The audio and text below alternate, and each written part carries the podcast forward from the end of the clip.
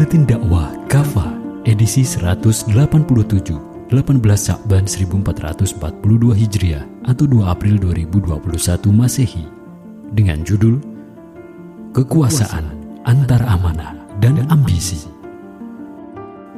Di bawah sistem sekuler yang mencampakkan aturan agama atau syariah Islam, sebagaimana di negeri ini, kekuasaan benar-benar telah menimbulkan fitnah banyak orang berlomba-lomba meraih atau mempertahankan kekuasaan. Segala cara digunakan tanpa peduli halal dan haram. Saat berkuasa atau memegang jabatan, kekuasaan dan jabatan itu pun dijalankan tanpa mengenal halal dan haram. Kekuasaan lebih banyak dijadikan alat untuk kepentingan sendiri dan golongan. Sebaliknya, kepentingan dan kemaslahatan rakyat sering diabaikan dan ditinggalkan. Ambisi kekuasaan Ambisi kekuasaan merupakan bagian dari keinginan hawa nafsu. Memang wajar ambisi itu muncul, namun bukan berarti harus dituruti. Islam mengajarkan bahwa hawa nafsu harus ditata dan dikendalikan sesuai petunjuk Allah Subhanahu wa taala. Sebabnya hawa nafsu itu sering memerintahkan pada keburukan. Lihat Quran surat Yusuf ayat 53. Banyak orang yang berlomba-lomba mewujudkan ambisi mereka atas kekuasaan Hal itu tampak jelas, misalnya dalam pilkada. Puluhan ribu orang bersaing dan melakukan berbagai cara untuk meraih kekuasaan itu. Tampak pula dalam konstentasi pilpres. Memang dalam pilpres hanya beberapa pasangan yang bersaing. Namun jutaan orang melibatkan diri untuk mendukung dan memilih pasangan mereka. Di antara mereka banyak petahana yang berambisi untuk mempertahankan jabatan dan kekuasaan mereka – mereka banyak yang mencalonkan kembali untuk masa jabatan kedua. Ambisi kekuasaan juga tampak saat belakangan mencuat ide agar masa jabatan presiden dibuat tiga periode. Jauh-jauh hari Rasulullah Shallallahu Alaihi Wasallam telah mensinyalir ambisi kekuasaan ini. Beliau pun memperingatkan umatnya agar hati-hati terhadap akibatnya.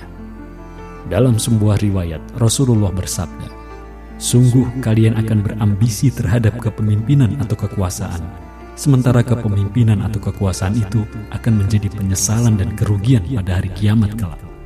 Alangkah baiknya permulaannya dan alangkah buruknya kesudahannya. Hadis riwayat Al-Bukhari, An-Nasai, dan Ahmad. As-San'ani dalam Subul As-Salam menjelaskan bahwa Nabi Shallallahu Alaihi Wasallam melarang meminta al-imarah atau kepemimpinan atau kekuasaan. Alasannya, kekuasaan itu bisa memberikan kekuatan kepada orang yang sebelumnya lemah dan memberikan kemampuan kepada orang yang sebelumnya tidak memiliki kemampuan. Semua itu bisa diambil oleh jiwa yang kasar dan cenderung pada keburukan. Lalu kekuasaan itu dijadikan wasilah untuk balas dendam kepada orang yang dianggap musuh.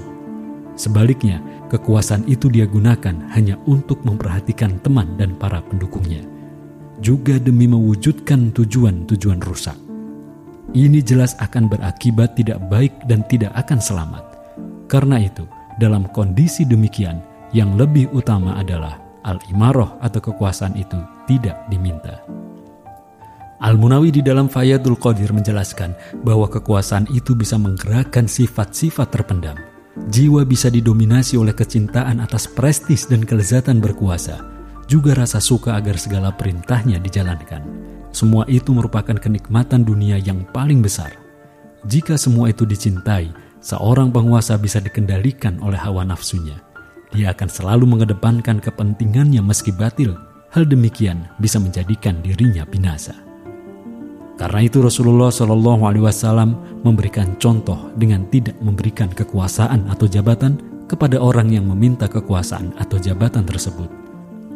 Beliau pernah bersabda, kami demi Allah tidak akan mengangkat atas tugas ini seorang pun yang memintanya dan yang berambisi terhadapnya. Hadis riwayat Muslim, Ibnu Hibban, Ibnu Al-Jarud, dan Abu Awana. Dalam redaksi lain dinyatakan, kami tidak akan mengangkat atas tugas kami orang yang menginginkannya. Hadis riwayat Al-Bukhari, Muslim, Ahmad, Abu Dawud, dan An-Nasai. Abu Bakar At-Tartusi dalam Syirajul Muluk menjelaskan, Rahasia di balik semua ini adalah bahwa kekuasaan atau jabatan adalah amanah. Berambisi atas amanah adalah salah satu bukti dari sikap khianat.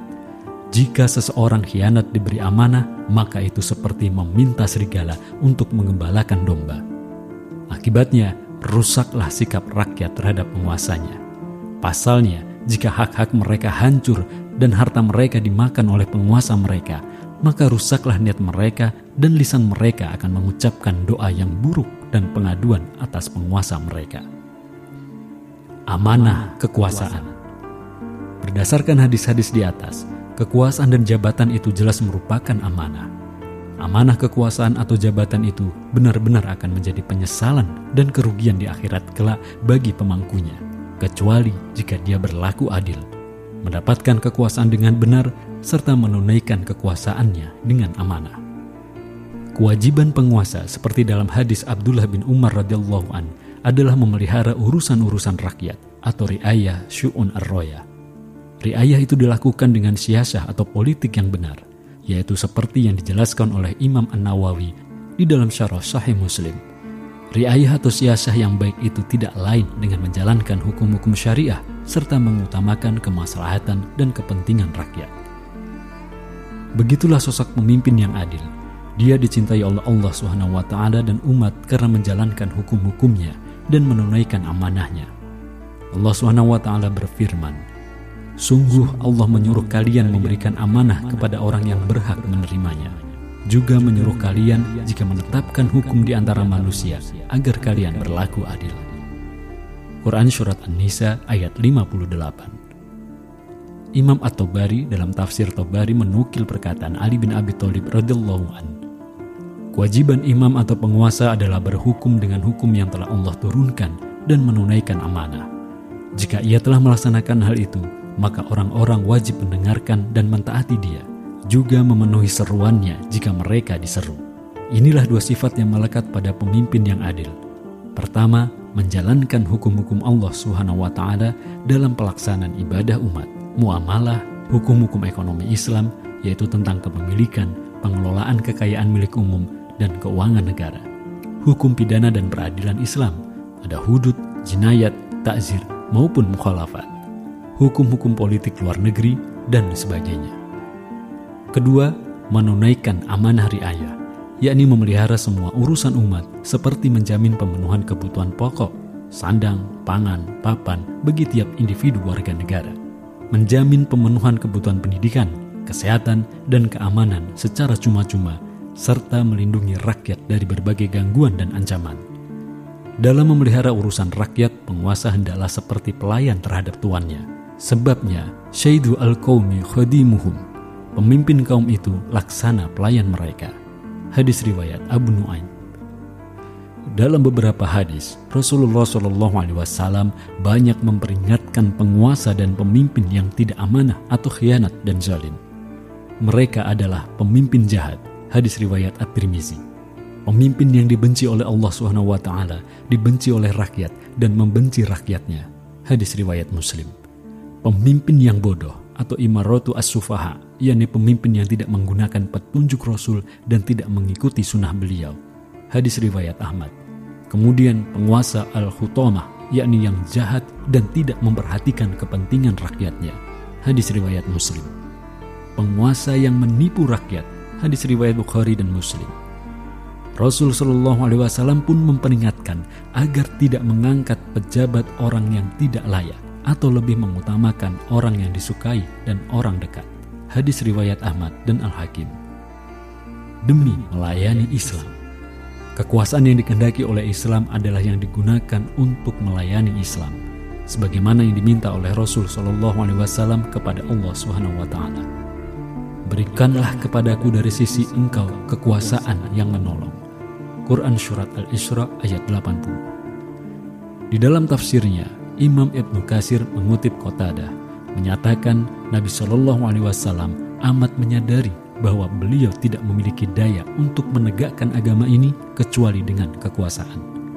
Karena itulah beliau meminta kekuasaan agar bisa menolong kitabullah, menegakkan hudud Allah, menjalankan berbagai kefarduan Allah, dan menegakkan agama Allah. Kekuasaan juga harus dibangun di atas pondasi agama, yakni Islam, dan ditujukan untuk menjaga Islam dan syariahnya serta memelihara urusan umat. Imam Al-Ghazali menyatakan, agama adalah pondasi, sedangkan kekuasaan adalah penjaganya. Apa saja yang tidak memiliki pondasi akan hancur, dan apa saja yang tidak memiliki penjaganya akan lenyap. Alhasil, kekuasaan harus diorientasikan untuk melayani Islam dan kaum Muslim. Hal ini hanya akan terwujud jika kekuasaan itu menerapkan syariah Islam secara total, memelihara urusan dan kemaslahatan umat, menjaga Islam, dan melindungi umat. Kekuasaan semacam inilah yang harus diwujudkan oleh kaum Muslim semuanya. Dengan itu, kekuasaan akan menjadi kebaikan dan mendatangkan keberkahan bagi semua. Wallahu a'lam bishawab.